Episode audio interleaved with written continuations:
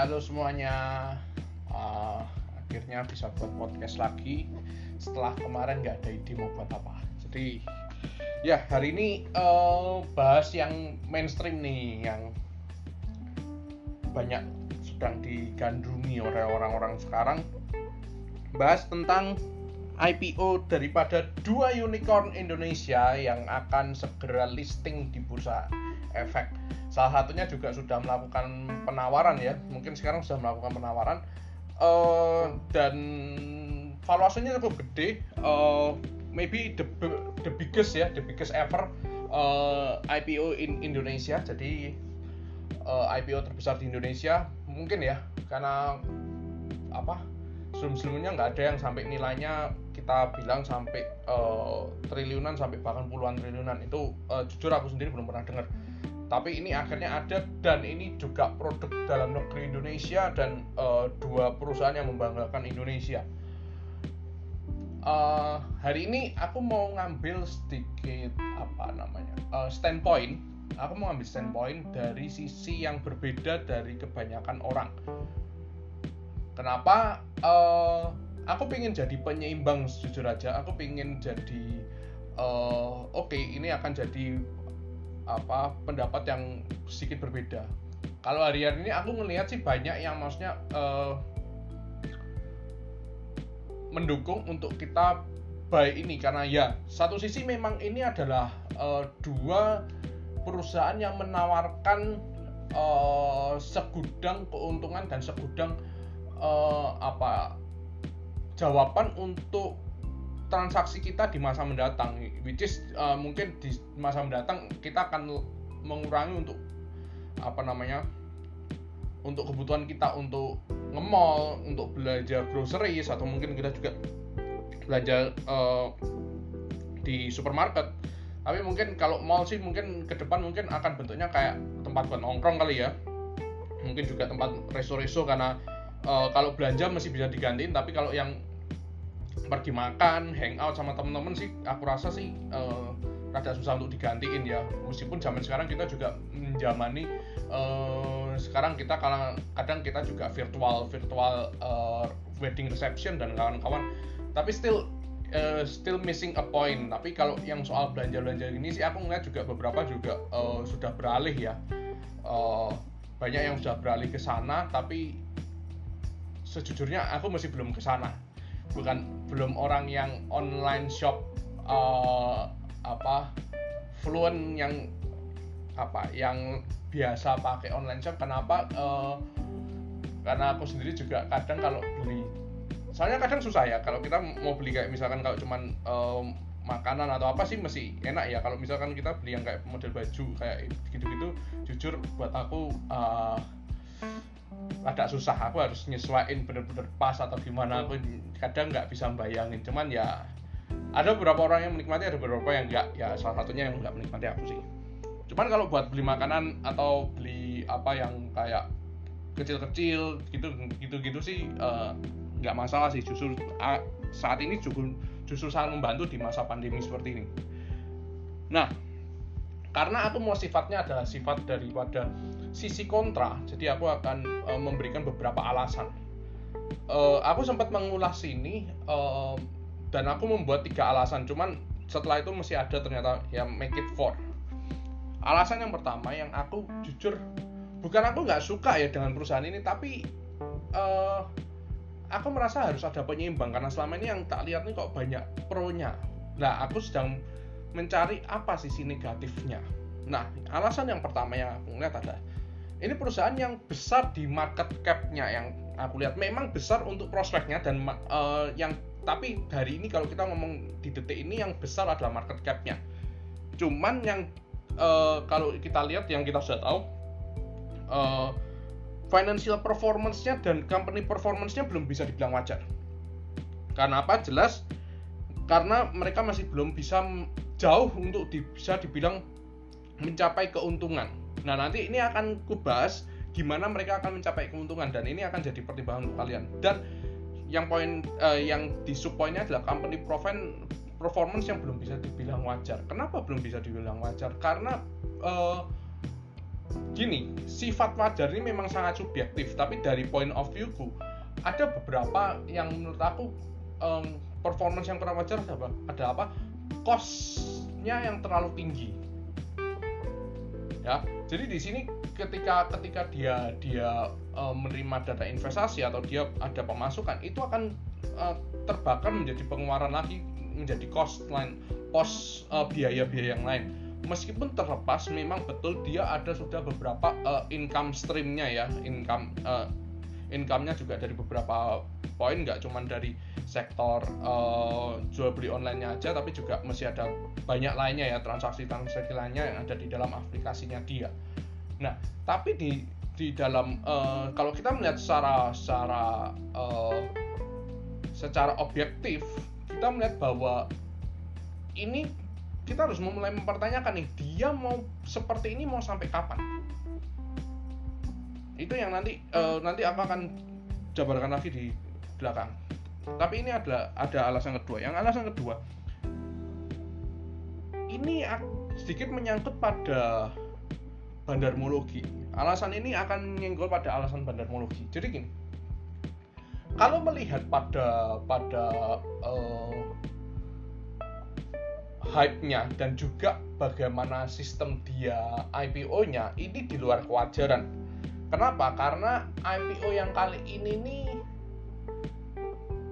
biasa kan yang akan menawarkan kan via underwriter kan dia dia akan uh, akan uh, tampung nih orang-orang ini dan juga uh, dia akan ngecekin kan underwriter dan penjamin penjamin efek dia kan akan juga uh, apa namanya akan nyaring orang-orang yang akan beli IPO dan itu pun lewat sekuritasnya mereka kan. Nah, di sini yang aku temukan menarik adalah uh, ini kan tidak melalui e-IPO atau atau elektronik IPO, tapi kan masih via IPO biasa. Cuman yang kali ini yang aku lihat adalah kenapa setiap sekuritas ini mostly menawarkan? Kayak seolah-olah kayak banyak banget yang nawarin kok kayak semuanya yang jadi underwriter dan juga penjamin efeknya ya kayaknya ya. Kok kayaknya rame banget nih setiap sekuritas kok pegang nih kok kayak pegang semua. Nah ini yang harus jadi pertanyaan. Nah sebagai sebagai ya uh, memang ini model bisnisnya kan beda dengan yang uh, konvensional. Cuman kan kita uh, kita kalau sudah di pasar modal ini tetap akan caranya akan tetap sama. Sekarang begini kalau salah satu yang akan booming eh, yang booming sekarang adalah Bukalapak kan. Bukalapak ini akan menjaring sekitar 20 triliun daripada dana IPO ya kan? Kita tidak pedulikan kira-kira kok nilai valuasinya dia segitu tapi kok dia IPO harga 20 triliun? Aku geser dulu. Karena ini akan kita ngomongin uh, dari sisi bandarmologinya umumnya umumnya IPO ini memang uh, menjaring siapa yang akan membeli biasanya. Tapi tidak usah kita uh, pungkiri bahwa kebanyakan yang mengantri dan pada yang melakukan subscribe pada suatu saham yang akan listing biasanya adalah para big fund atau market maker. Sekarang yang jadi pertanyaan adalah satu, siapa market maker yang mempunyai dana kelolaan 22 triliun? Big fund, institusi 22 triliun di pasar modal eh di pasar saham. Saja satu orang ada nggak? Atau satu institusi yang punya dana kelolaan 22 triliun sendiri di pasar saham sendiri, nggak termasuk pasar obligasi, nggak termasuk pasar uang, nggak termasuk pasar lainnya. Hanya di pasar saham 22 triliun siapa yang mempunyai dana sebesar itu? Kalau tidak, berarti harus ada orang-orang lain. Kalau ini mau dikuasai oleh Big Fund, harus ada beberapa player. Mostly yang saya tahu beberapa player ini punya dana sekitar uh, 3, 4, uh, ada bahkan yang satu triliun. Uh, coba kita ambil rata-rata aja 3. Berarti butuh sekitar 7 sampai 8 pemain di dalamnya. Minimal. Kalau mereka mau kuasa itu uh, saham dan mereka akan mau model uh, kan sampai ke atas mereka harus kuasai itu saham kan artinya 8 pemain ini harus punya dana 22 triliun pertanyaannya apakah setiap dana kelolaan semuanya dicemplungkan di satu saham oleh institusi? Saya kira juga enggak. Mereka ada money managementnya sendiri. Kecuali ada memang perhitungan lagi mereka nambah nambah duit untuk untuk khusus di sahamnya Bukalapak atau nanti ada Goto. Saya nggak tahu pasti. Tapi yang pasti adalah siapa yang mau mainin ini saham? Kita nggak bisa munafik bahwa uh, yang menggerakkan pasar bukan uh, hanya market maker betul ada retail tapi yang jadi masalah adalah tetap arah-arahnya tetap kepada big fund bagaimana? Siapa yang punya dana 22 triliun untuk menggerakkan ini saham? Kalau mereka punya kekuatan dana, lalu kenapa di setiap sekuritas ini disebar semuanya um, untuk menawarkan saham dua unicorn ini, terutama yang mau buka ini buka lapak ini? Kenapa?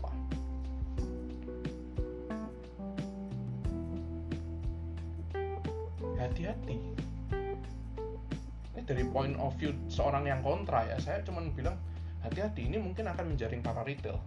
Dan kita tahu kebiasaan retail hari-hari ini adalah cepat jual. Nggak kayak beberapa tahun lalu atau at least uh, 2019-2020 awal sebelum pandemi ini ada retail mesti punya uh, istilahnya kesabaran yang lebih tinggi. Tapi hari-hari ini saya melihat bahwa retail ini cepat jual. Makanya akhir-akhir ini big fund atau bandar. Sedikit malas untuk menggerakkan beberapa saham yang banyak diakumulasi oleh retail. Makanya kita akan kita dengar bahwa beberapa saham yang bangkit dari kubur lah, ada beberapa saham yang tiba-tiba naik banyak lah, ada beberapa saham yang kita nggak tahu tiba-tiba naik aja. Selama ini kita tahunya ya saham itu mungkin sepi ya, mungkin uh, tidak terlalu liquid juga. Artinya tidak gampang keluar dan eh gampang masuk tapi gampang eh tidak gampang keluar. Mostly seperti itu. Tapi hari ini digerakkan luar biasa. Kenapa minim retail di sana. Tapi begitu retail masuk mereka tinggal. Nah sekarang mereka menjaring retail untuk masuk. Artinya kalau saham ini sampai nggak naik retail kan akan buang nah ini yang harus jadi pertanyaan nah pertanyaan yang selanjutnya kenapa kok big fund tidak kalau katakan mereka mau join forces untuk untuk beli ini saham, tapi kenapa pada kenyataannya kenapa tidak mereka lakukan? Dan kenapa banyak sekali info-info untuk membeli saham ini? Oke, orang akan bilang mungkin saya terlalu pesimis ya, eh, orangnya kurang optimistik invest investor. Oke, tapi saya menggunakan salah satu uh, prinsip daripada Warren Buffett adalah dia ngomong gini. Dia bapak value investing uh, bapak segala investor di dunia dia ngomong gini be fear when other greeds be greed when other fears. Artinya apa? Ketika ini momennya sedang dibuat orang-orang untuk memburu ini saham saya jujur di posisi saya fear. Kenapa nah inilah yang harus kita pertanyakan sih sebenarnya. Karena karena uh, betul valuasi masa mendatang akan uh, menjadi prospek yang bagus ini perusahaan tapi akan tetapi kita harus mempertanyakan beberapa aspek. Kita nggak bisa tutup mata untuk salah uh, beberapa aspek lainnya karena pada kenyataannya saya menemukan bahwa ketika orang mau entah mau berinvestasi entah mau trading kita harus menguasai banyak hal. Uh, memang tidak semuanya harus dipakai tapi at least kita tahu. Dan kita paham nih apa yang terjadi. Meskipun kita hanya pakai salah satu sebagai kunci utama betul. Alasan ketiga yang saya mau tambahkan adalah uh, di tengah pertumbuhan tech company seperti ini yang jadi akan jadi pertanyaan ke depannya adalah nanti ke depan dia mau ngapain? Kira-kira ada langkah signifikan tidak untuk dia uh, menjadikan ini tidak hanya untuk membesarkan market cap tapi menjadikan ini bisnis yang sehat? Bisnis yang sehat apa? Artinya dia bisa perform, perform performance baik dari sisi apa pun dari sisi uh, pemasaran iya dari sisi logistik iya dan yang penting yang pasti paling penting ada dari sisi uh, uh, finansialnya bisa memberikan keuntungan nggak ini perusahaan? Kalaupun dia belum bisa ngasih dividen at least dia bisa untung nggak? Sebelum akhirnya mungkin uh, kalau dia misalkan ada pembayaran di luar itu entah utang atau apa mungkin mungkin kalau yang saham-saham ini mungkin mereka minim utang ya untuk yang lain-lainnya lah mereka untuk pembayaran supplier dan kawan-kawan kira-kira bisa lancar gak? saya jujur merefleksi pada kejadian krisis 2008 di Amerika subprime mortgage akhir-akhir ini aku sebulan ini belajar banget tentang uh, krisis 2008 karena memang uh, aku belajar tentang bagaimana kok bisa terciptanya sebuah bubble. Salah satunya ini adalah uh, yang paling termasuk yang baru dan juga orang masih ingat banyak yang masih ingat adalah subprime mortgage. Ini ini bisa jadi refleksi. Ada kemiripan karena menurut saya ada kemiripan karena gini uh, dengan kita uh, gini memang kalau kita ngomong subprime mortgage kita nggak bisa uh, pungkiri ada beberapa pihak yang dalam tanda kutip bermain-main nakal. Ya. Tapi di sini kita mau uh, si singkirkan dulu variabel ini. Dan mengarahkan ke arah kenapa orang-orang di Amerika waktu itu bisa gila-gilaan ngambil properti. Satu orang bisa punya dua, punya tiga, bahkan lima. Mereka penghasilan mungkin nggak tahu gede. Kenapa? Kemudahan untuk membeli properti dan juga mereka uh, yang mereka pikirkan adalah yang penting aku masih bisa membayar ini cicilan meskipun ini berat tapi dengan pemahaman bahwa nanti harga properti akan naik terus dan terus karena mereka berpikir harga properti nggak akan pernah turun Nah, perhatikan prinsip demand dan offer, permintaan dan penawaran. Saya asumsikan seperti orang yang sedang haus. Orang yang sedang haus akan demand untuk air, ya kan dia akan uh, punya kebutuhan akan air cukup besar. Ketika seorang uh, sedang haus, dia akan minum air yang banyak dan banyak dan banyak. Tapi seberapa uh, rasa hausnya dia keinginannya dia untuk minum kembali lagi ke kapasitasnya masing-masing. Ada orang yang bisa minum mungkin uh, sekali minum satu liter ada yang cuma bisa minum mungkin 500 mili ada yang bisa minum sampai 2 liter atau mungkin yang uh, minumnya bahkan cuma satu gelas mungkin 100 mili atau 150 mili mereka sudah oke. Okay. tapi kan kembali ke kekuatannya dia untuk menerima kan tubuhnya untuk bisa menerima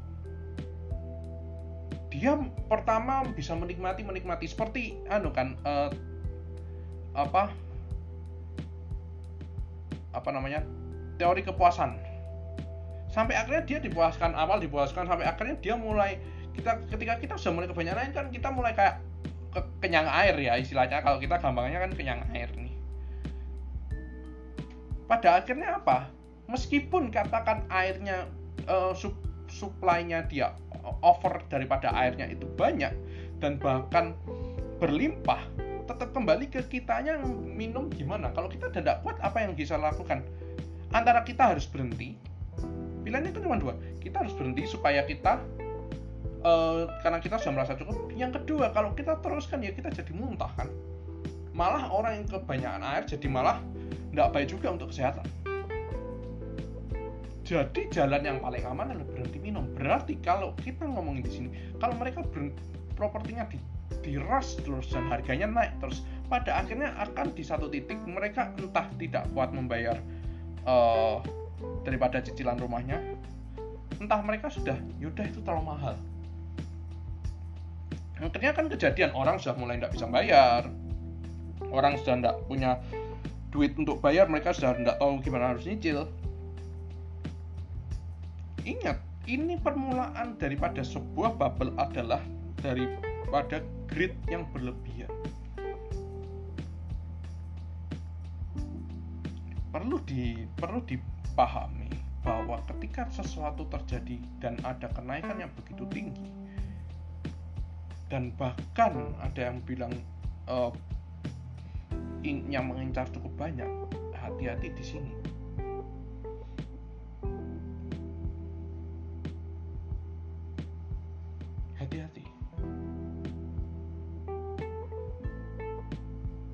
karena pada kenyataannya perusahaan-perusahaan ini terutama dari sisi uh, ini online ya mereka mereka banyak promo kan tiap bulan mereka ada promo promo mungkin 11, 77, 88, 11, 11, 12, 12 itu kan ada nih. Terus belum lagi promo hari apa hari apa hari apa. Itu kan bakar duit itu uh, itu aja belum mereka gini sekarang gini. Kita ambil contohnya aja uh, Tokopedia memperlaku, memberlakukan sekitar uh, biaya biaya untuk administrasi dalam tanda kutip untuk setiap transaksinya adalah satu persen. Katakan dia punya perputaran per hari katakan 2 triliun satu hari katakan. Artinya 20 miliar. Itu dia tiap hari dia terima. Siapa yang tidak senang perusahaannya satu hari dapat 20 miliar tapi pertanyaannya berapa banyak yang dia keluarkan lagi untuk biaya lainnya ya kan? Ini yang harus jadi catatan. Dan yang selanjutnya kalau yang tadi baik lagi tentang masa bubble hati-hati. Bubble itu sering kali kita grid akan future. Bukan berarti kita nggak boleh optimis dengan masa depan. Yang tidak boleh adalah kalau kita berlebihan makanya kembali lagi kepada prinsip investasi yang sehat.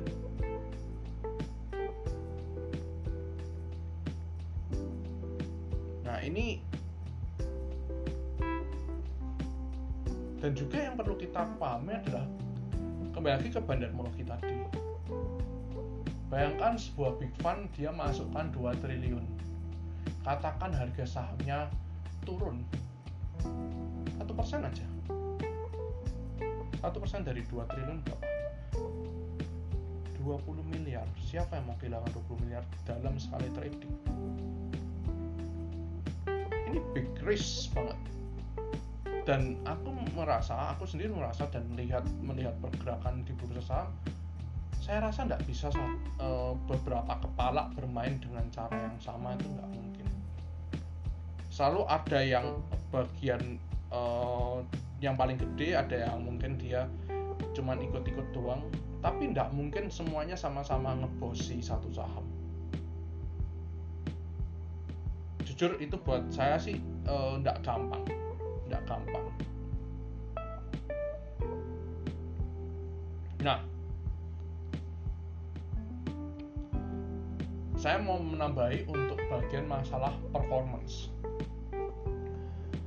sekarang yang jadi pertanyaan kapan perusahaan-perusahaan ini tech company seperti ini bisa mencetak keuntungan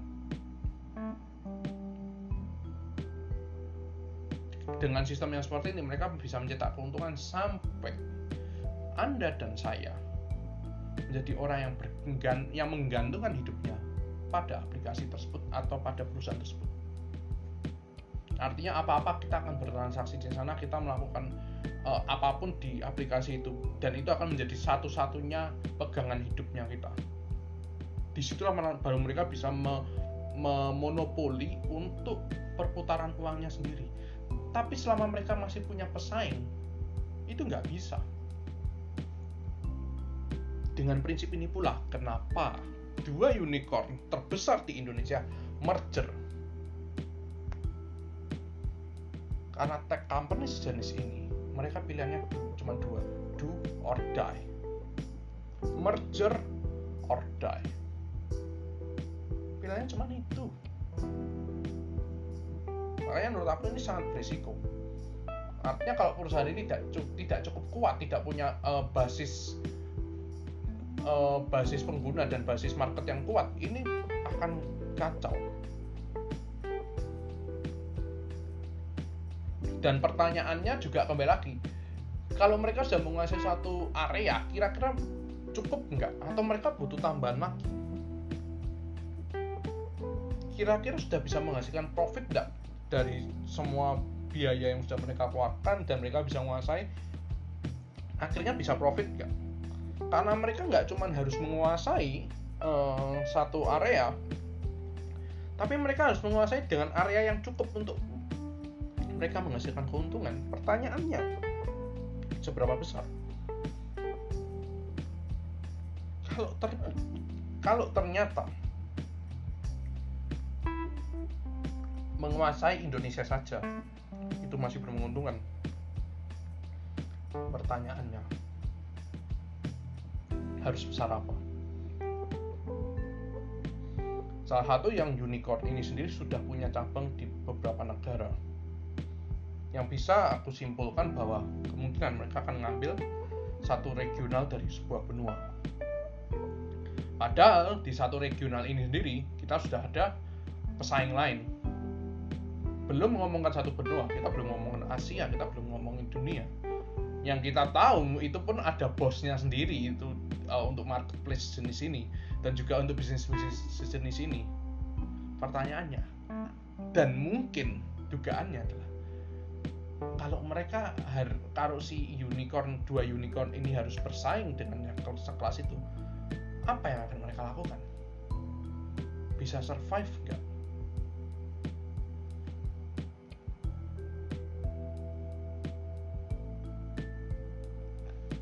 jujur yang aku nggak terlalu suka adalah uh, domino efeknya daripada uh, untuk dari investasi sejenis ini. Bukan berarti aku anti new model bisnis ya sama sekali enggak. Tapi gini bisnis itu tetap kembali lagi bagaimana kita make money. Bisnis yang kita tidak make money namanya kita sedang aksi sosial. Tetap itu prinsip bisnis yang klasik dan never gets old karena kadang takutnya gini takutnya ini ini ketakutan saya. Ini kan mereka ngejar market cap dan mengejar valuasi ya kan? Kalau ngejar valuasi sih buat investor sih seneng karena harganya ketika harganya semakin naik dia bisa jual makin mahal. Dan yang jadi pertanyaan adalah investor yang benar-benar dia ngehold ini ini ini perusahaan kira-kira mereka bisa dapat keuntungan berupa dividennya kapan? Kalau mereka nggak niat untuk jual kecuali kalau uh, yang investasi mau sifatnya kayak orang trading naik harganya valuasinya jual. Ya itu nggak tahu lagi sih. Takutnya takutnya. Orang yang kalau kita berfokusnya hanya pembesaran valuasi dan hanya dari market cap takutnya nanti jadi kayak orang yang ngejar gaya hidup tingkat tinggi tapi nggak punya budget. Jatuhnya mati duluan sebelum gayanya habis.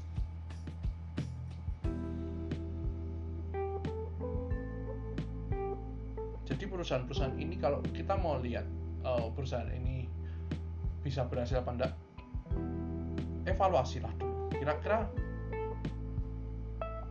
kira-kira mereka bisa nggak menguasai kita aja untuk bisa addicted pakai jasanya mereka karena they will never get the profit until every single one of you and me gets addicted to them.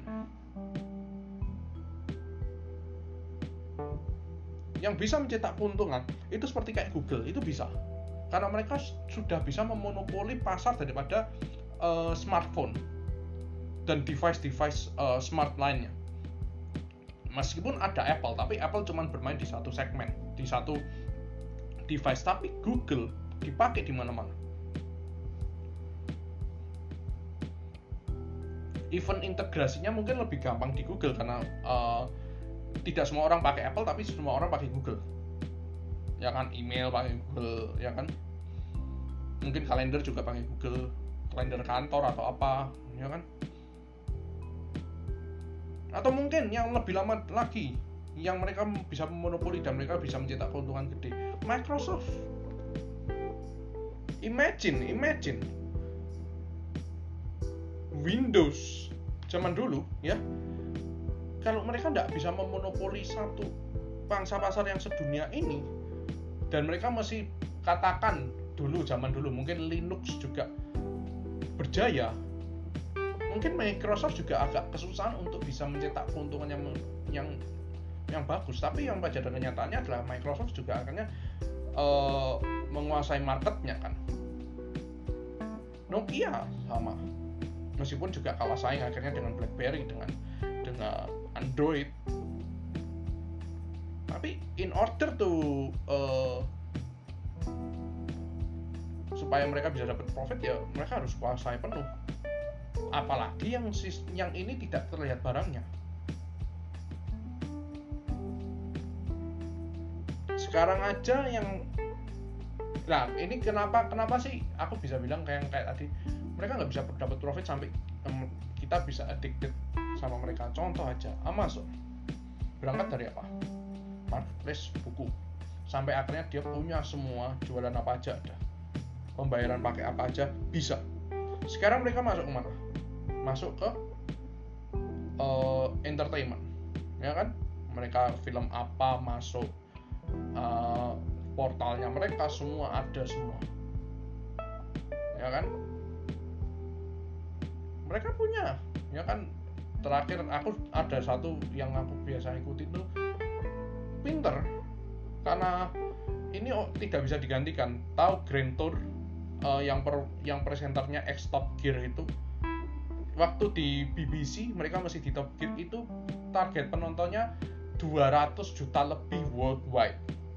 Untuk ukuran TV itu gede banget. Itu kayak satu Indonesia nonton itu acara terus. Ini satu dunia. Bahkan lebih. Aku bilang sih lebih. Karena pasti ada orang-orang yang mungkin nontonnya baru nonton via YouTube atau apa. Tapi ada loh. Ini gede loh mereka guide ini Jeremy Clarkson, uh, Richard Hammond sama James May mereka masuk di Grand Tour. Under apa? Amazon Prime Video. Kenapa mereka masuk ke sana? Ya karena ini segmen yang menguntungkan. Biaya produksinya gede tapi ya udah yang penting orang edik karena mereka tahu ini yang gede ini karena orang-orangnya ya itulah yang mereka cari. Sampai orang tuh masuk beli subscribe itu demi itu ada itu kayak gitu gitu. Nah ini bisa jadi untuk uh, bisa jadi apa istilahnya uh, pandangan lain buat kalian. Biar apa ya kita nggak hanya berpegang pada satu posisi satu pandangan tapi kita bisa lihat the other side of it. Dan itu akan menjadikan keputusan kita juga lebih uh, lebih firm keputusan kita juga lebih matang juga ya kan? Dan kita bisa uh, membatasi risiko yang ada. Ya karena kita di sini juga kembali lagi. Kita um, sebagai investor kita mau sebagai investor sebagai trader kita tidak nggak mau sebagai uh, donatur di bursa efek. Kita maunya kita dapat cuan. Jadi hati-hati pertimbangan dengan matang and I'll see you guys in the next episode. Bye bye